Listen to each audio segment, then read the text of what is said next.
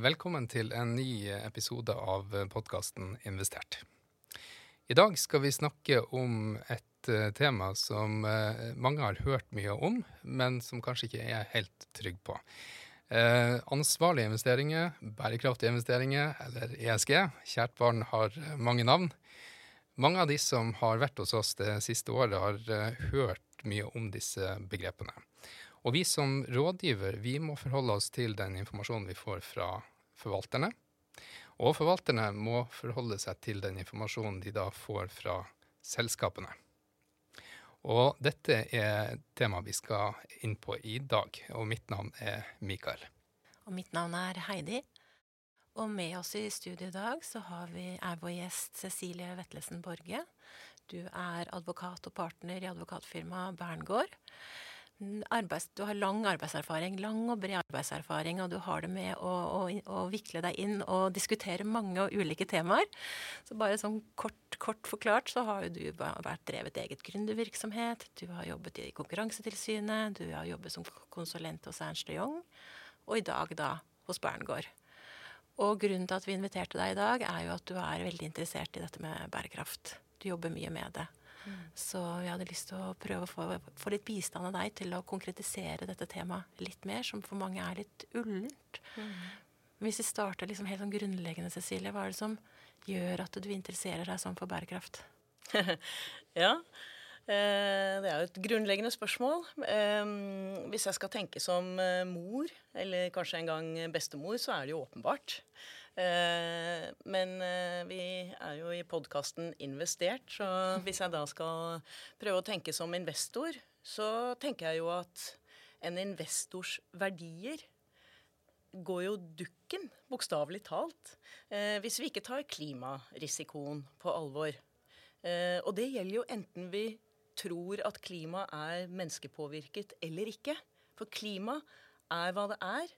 Og når det slår til der vi er, eller der våre leverandører er, så blir vi påvirket uansett hva vi tror, eller hva vi mener å vite om menneskeskapt eh, klimautvikling.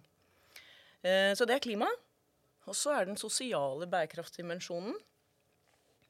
Den påvirker jo også investeringer, bedriftsverdier, og, og, hele samfunnet. fordi at hvis vi ikke greier å skape levelige forhold i alle verdenshjørner, så får vi massemigrasjon dit hvor det er levelige forhold.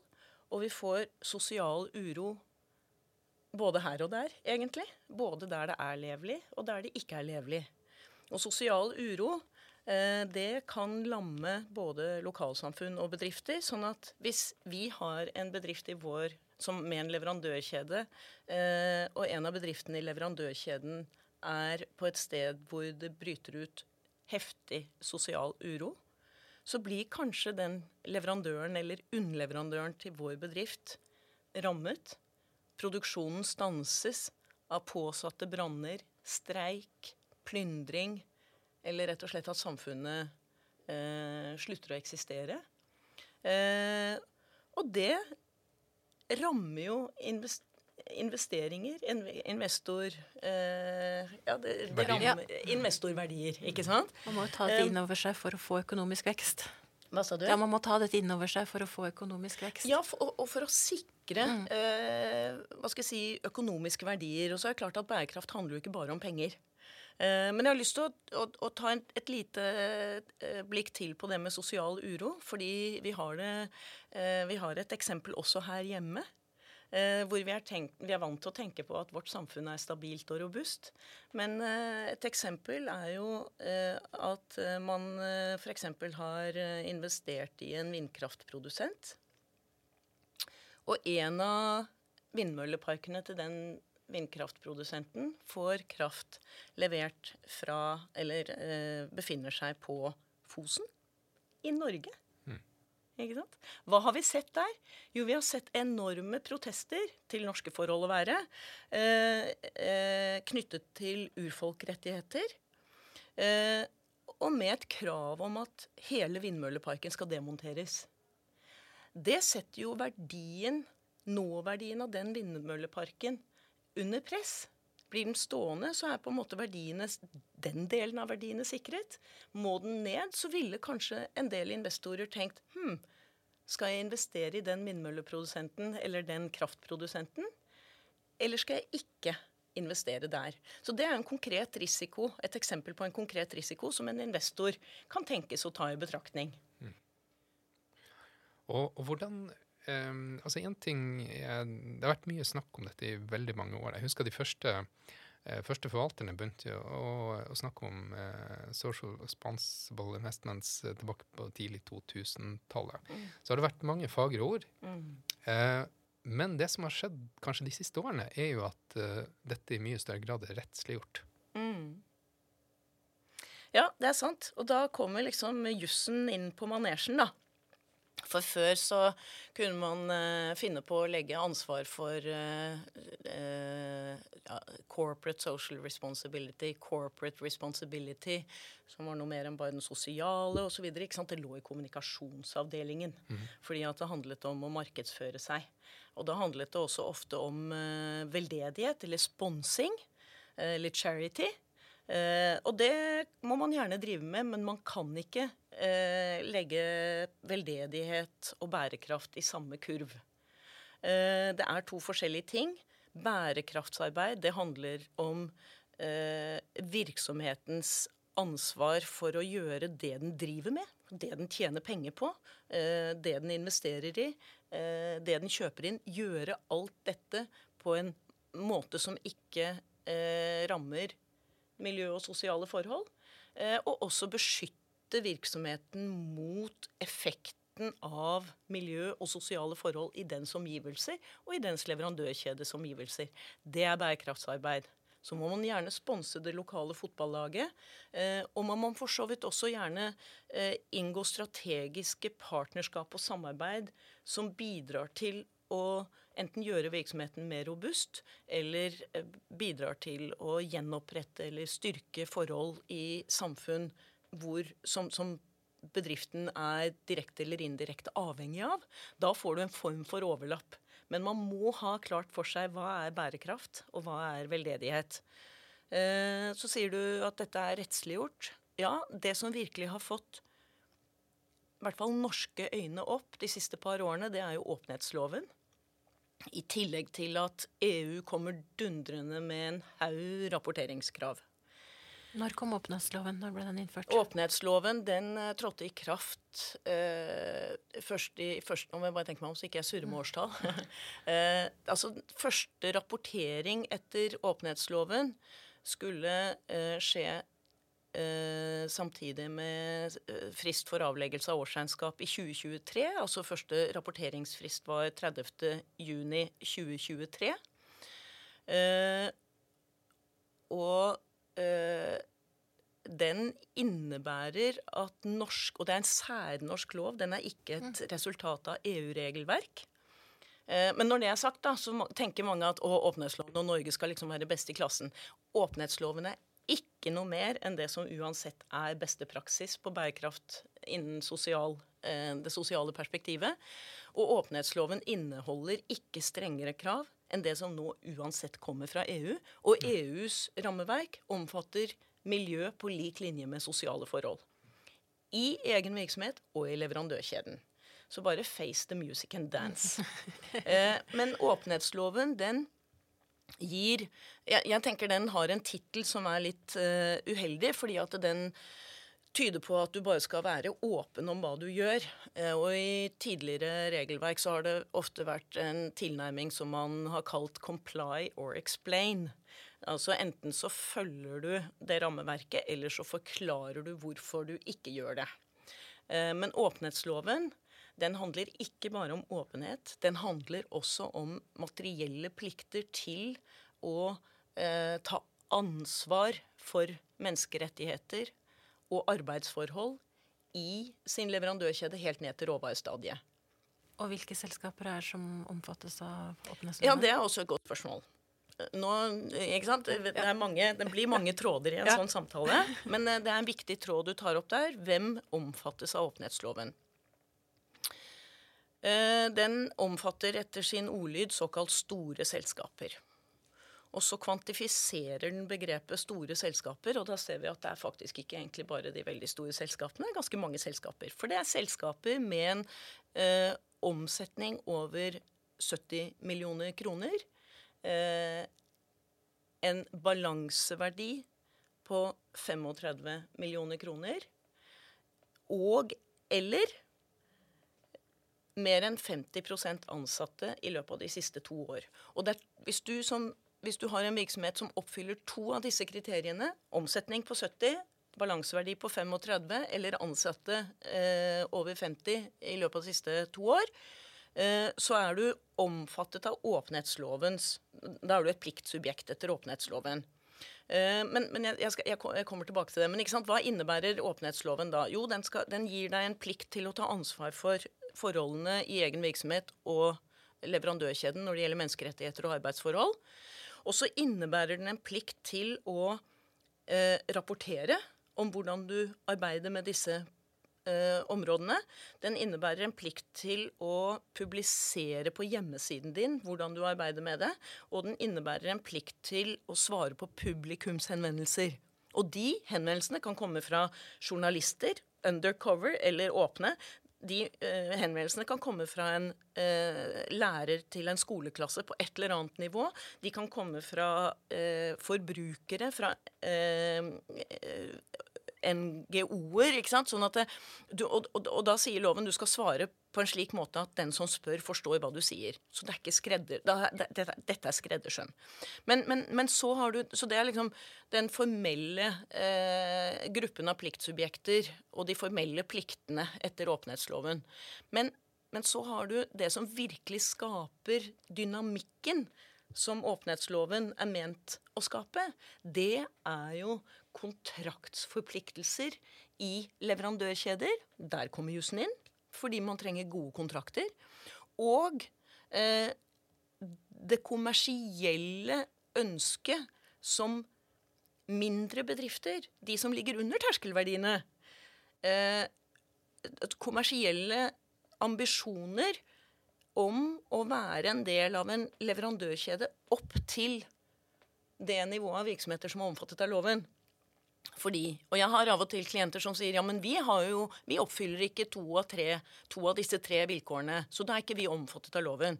Så sier jeg da er dere kanskje ikke omfattet av lovens eh, plikt Eh, plikter som sådan, men ønsker dere ikke å være en del av en leverandørkjede opp til f.eks. bruker jeg ofte eksempelet e- Equinor, da, man kan si Yara eller Aker eller Hydro eller eh, Kongsberg Gruppen eller hva man vil. ikke sant? Ønsker dere ikke å være en del av en leverandørkjede opp til en stor virksomhet? Jo, det ønsker vi. Eller de ønsker å eh, delta i offentlige anbud, ikke sant. Så sier jeg ja, men da må dere forstå hva den øverste eller de øverste leddene av den leverandørkjeden skal rapportere på. Fordi det er dere som skal levere de dataene.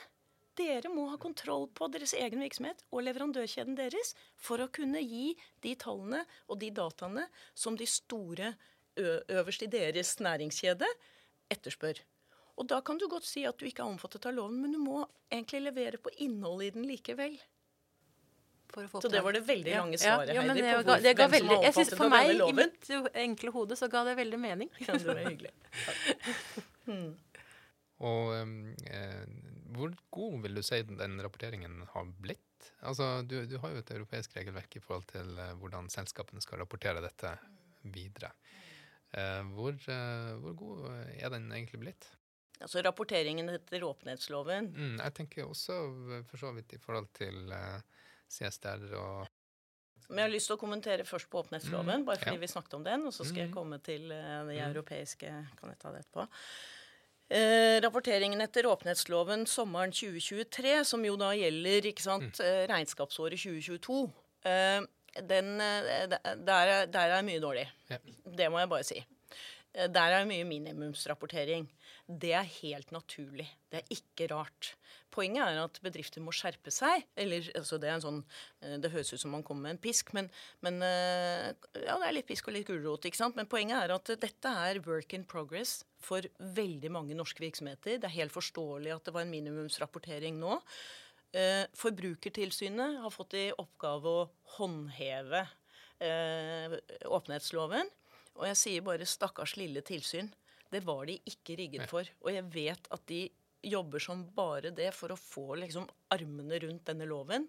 Og, og, og en, eh, hva skal jeg si, eh, være rustet til faktisk å følge opp lovens intensjon. Eh, men de har god informasjon på sine hjemmesider, og de har kommunisert meget sympatisk at de ikke er ute etter å ta noen i første omgang, bortsett fra at de kommer til å følge opp i første omgang bedrifter som helt åpenbart bare ignorerer rapporteringsplikten. Eh, så det er åpenhetsloven. Eh, eh, og, og, og, og det bringer meg over til at sant, hvordan, Når jeg sier at bedrifter må, må skjerpe seg litt sånn uærbødig, da, sant, hva innebærer det? da? Hvordan skal de jobbe med det? Jo, de må jobbe helhetlig, og de må jobbe systematisk og strukturert. Det er i, in, Inntil ja, for ikke så mange år siden så har man liksom sagt ja, vi, må, vi, vi vil gjerne bli eh, en eller annen form for sertifisert, og da må vi måle vårt CO2-utslipp, og så må vi måle vårt papirforbruk, vårt vannforbruk og vårt strømforbruk. Eh, ja, kanskje. Men det nye rapporteringsrammeverket som kommer fra EU, gir en litt sånn kanskje i utgangspunktet frustrerende opplevelse av å være i en eh, loop. Eh, og, og, og, en eh, litt sånn sirkelarbeid. Fordi det kan være veldig viktig å rapportere på CO2-utslipp, papirforbruk, vannforbruk og strømforbruk. Men å sette mål om at våre ansatte skal gå til jobb, sykle til jobb eller reise kollektivt, det er jo ikke dumme mål. Men etter EUs rapporteringsrammeverk så skal bedriftene først ta stilling til hvor er det egentlig vi har vår største påvirkning? Altså impact, da. Påvirkningen fra vår virksomhet ut til omgivelsene. Den andre dimensjonen av påvirkning er jo hvor, hvordan vår virksomhet påvirkes. Det, er, det pleier jeg å kalle bare for å som, som advokat så er man jo opptatt av språk. ikke sant? Så det kan hjelpe å skille mellom sårbarhet og robusthet. Altså hvordan blir vi påvirket, eh, og hvilken påvirkning har vi på andre. Så, så, sånn at når du da skal rapportere eh, egen påvirkning etter EU-rammeverket, så må du først ta stilling til hvordan påvirker vi. Og hvis man er en virksomhet som jobber heldigitalt, så er det ikke så veldig relevant å måle papirforbruk. Du kan godt gjøre det, men det er ikke der du har den største påvirkningen. Eh, Så det å se på hvilken måte påvirker vi direkte i vår daglige drift, og hva er det vi kjøper inn, da? Hvor kjøper vi det fra? Og eh, hvor mange ledd har vi i leverandørkjeden? Helt ned til råvareutvinningsstadiet. Og hvordan er råvarene på våre produkter utvunnet? Hvordan er komponentene sammenstilt? Hvor? Hva er det miljømessige avtrykket av det? Hva er den sosiale dimensjonen og kvaliteten i hele vår leverandørkjede? Det er vår impact. Og det er en kjempejobb å sette seg inn i. Men det er grunnlaget for hva man skal rapportere på. For har du noen tips her hvordan man går frem? Å, herregud, ja. ja.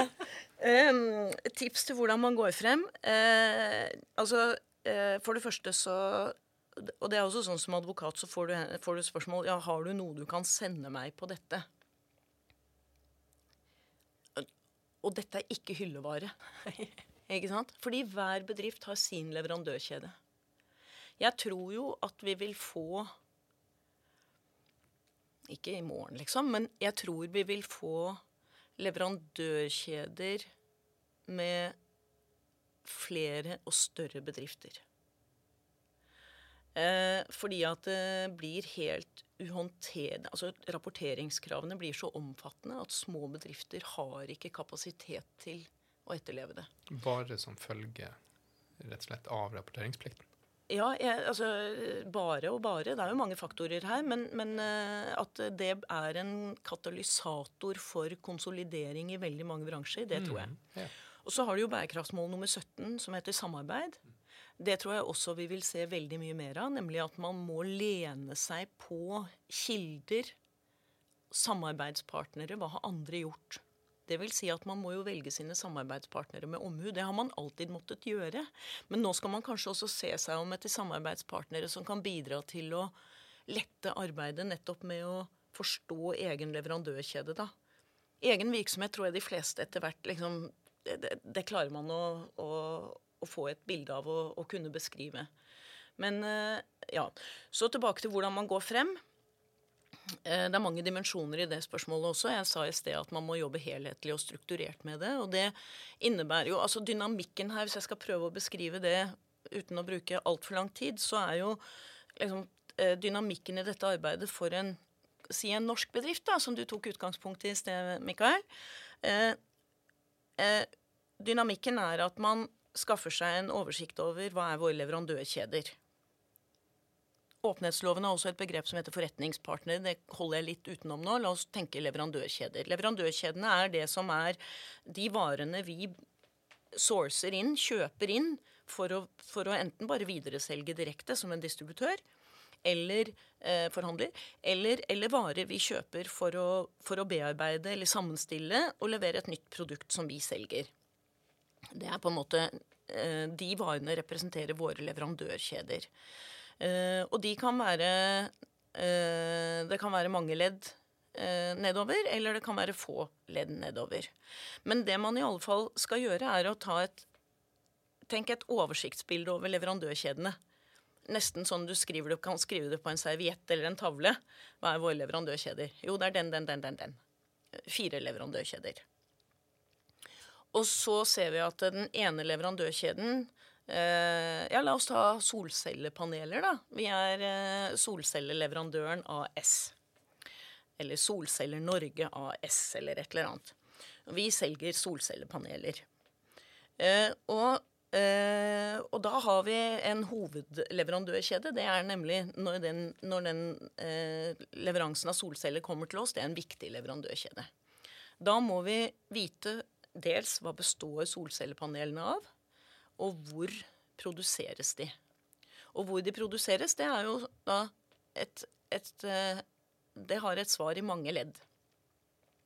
Fordi det utvinnes ressurser fra grunnen.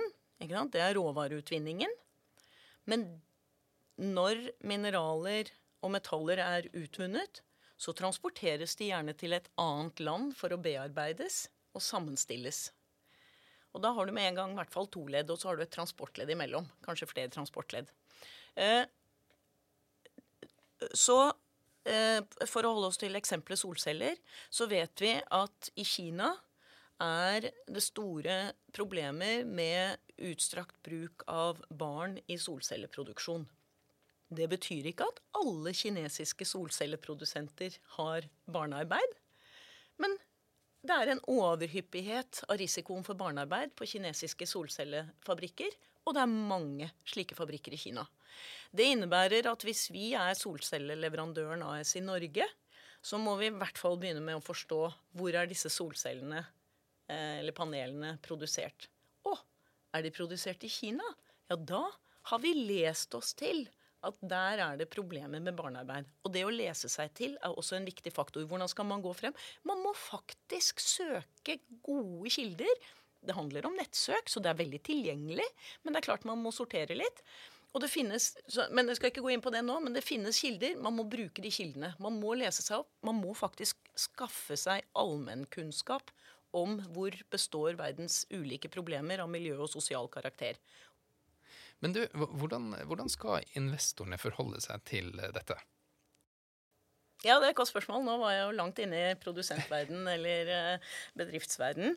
Eh, Eh, som eh, investor så er man jo avhengig av å få informasjon om de selskapene man vurderer å investere i. Enten man eh, skal kjøpe aksjer eller eh, obligasjoner. ikke sant? Så, eh, og, og, og, da er man avhengig av å ha tillit til informasjonen. Eh, og det handler dels om at den informasjonen som ligger der, er sannferdig, men også at den er tilstrekkelig fullstendig.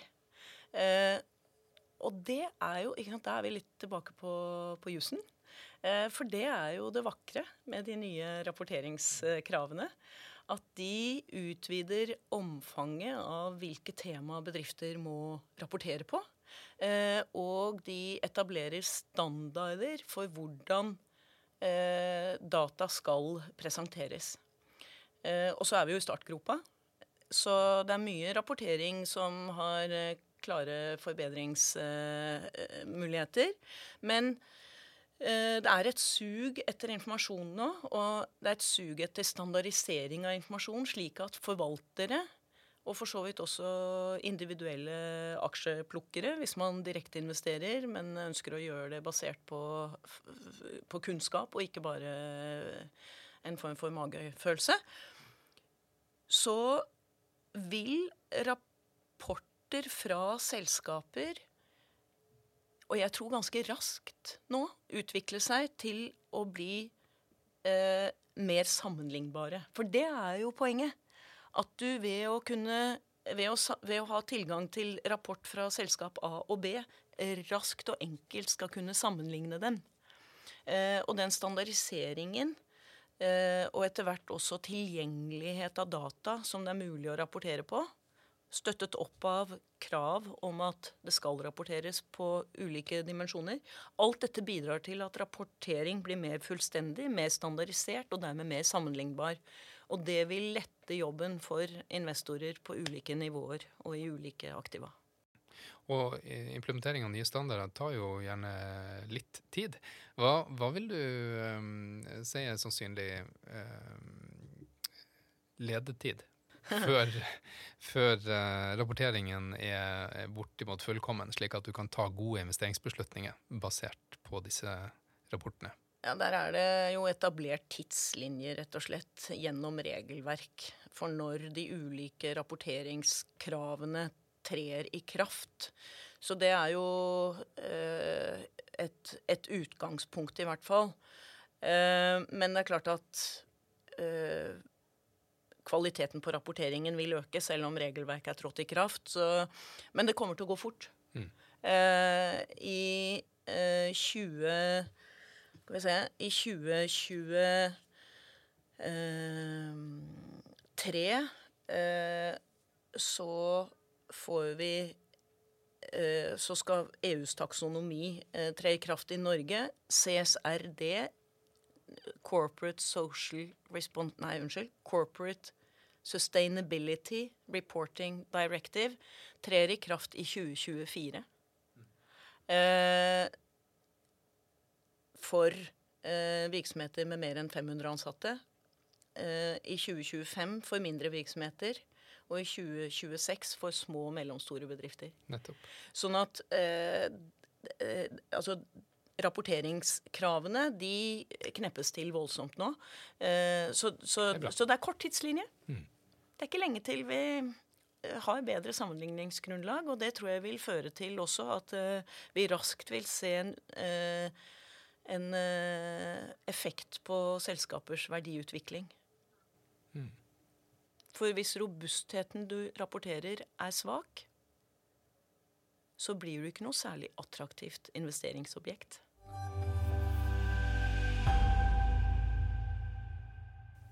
Vi må jo runde av, Cecilie. Det er et stort og omfattende tema. Det har kommet for å bli. Det er ingen som kan løpe unna det. Det er nødt til å, å, å, å skjønne det for å overleve som bedrift. Har du noen fine oppsummeringsord som kan sy dette litt sammen? Eh, ja, kanskje En ting jeg har lyst til å si, det er at eh, vi må ikke tro at forbrukere klarer å forholde seg til alt som er av informasjon. Det er næringslivet som må gå foran. Eh, en annen ting, og det er jo betydningen av at næringslivet faktisk er i stand til å finansiere den utviklingen som må til. Det vil jo si at næringslivet må få gode rammer for riktige investeringer. Det er også sånn faktisk at eh, ved at eh, nå er en form for nesten legal definisjon på hva som er bærekraftig gjennom taksonomien, så kan man begynne å innrette skattesystemet også etter det. Uh, så Det er en annen diskusjon, men det er en veldig spennende diskusjon. Og Så er det en ting vi ikke har snakket om i dag, og det er jo G-en i ESG, nemlig virksomhetsstyringen. Den uh, knytter seg typisk til begrepet, eller temaet compliance er jo en del av G-en, nemlig hvordan sikre regeletterlevelse i bedrifter. Eh, men også det at bedrifter har gode risikorammeverk, gode fullmaktsstrukturer, styringsstrukturer, gode prosesser, eh, er en del av G-en. Eh, det er superviktig. Nå legger jeg egentlig, Du ber meg oppsummere, jeg legger til nye elementer. Men poenget er jo egentlig, som du også sa, at uh, dette er noe alle må forholde seg til. Og man må jobbe helhetlig og systematisk med det. der er det foreløpig mye famling i bedriftsledelser og i styrerom. Men jeg mener i hvert fall at det finnes rammeverk og metoder som det er veldig, veldig spennende å få være med og bidra til at utbres og utvikles. Og med dette så selger du deg allerede inn til å kunne komme og være gjest igjen ved en senere anledning. Og vi, dette må vi jo følge opp, og vi må fortsette å snakke om det og vise hvordan man er oppdatert etter hvert. Så, men takk for denne gangen. Tusen takk for at du ville stille opp. Tusen takk for at dere ville ha meg. Ja, Så sier vi på gjenhør. På gjenhør. Innholdet i denne podkasten skal ikke anses som investeringsrådgivning.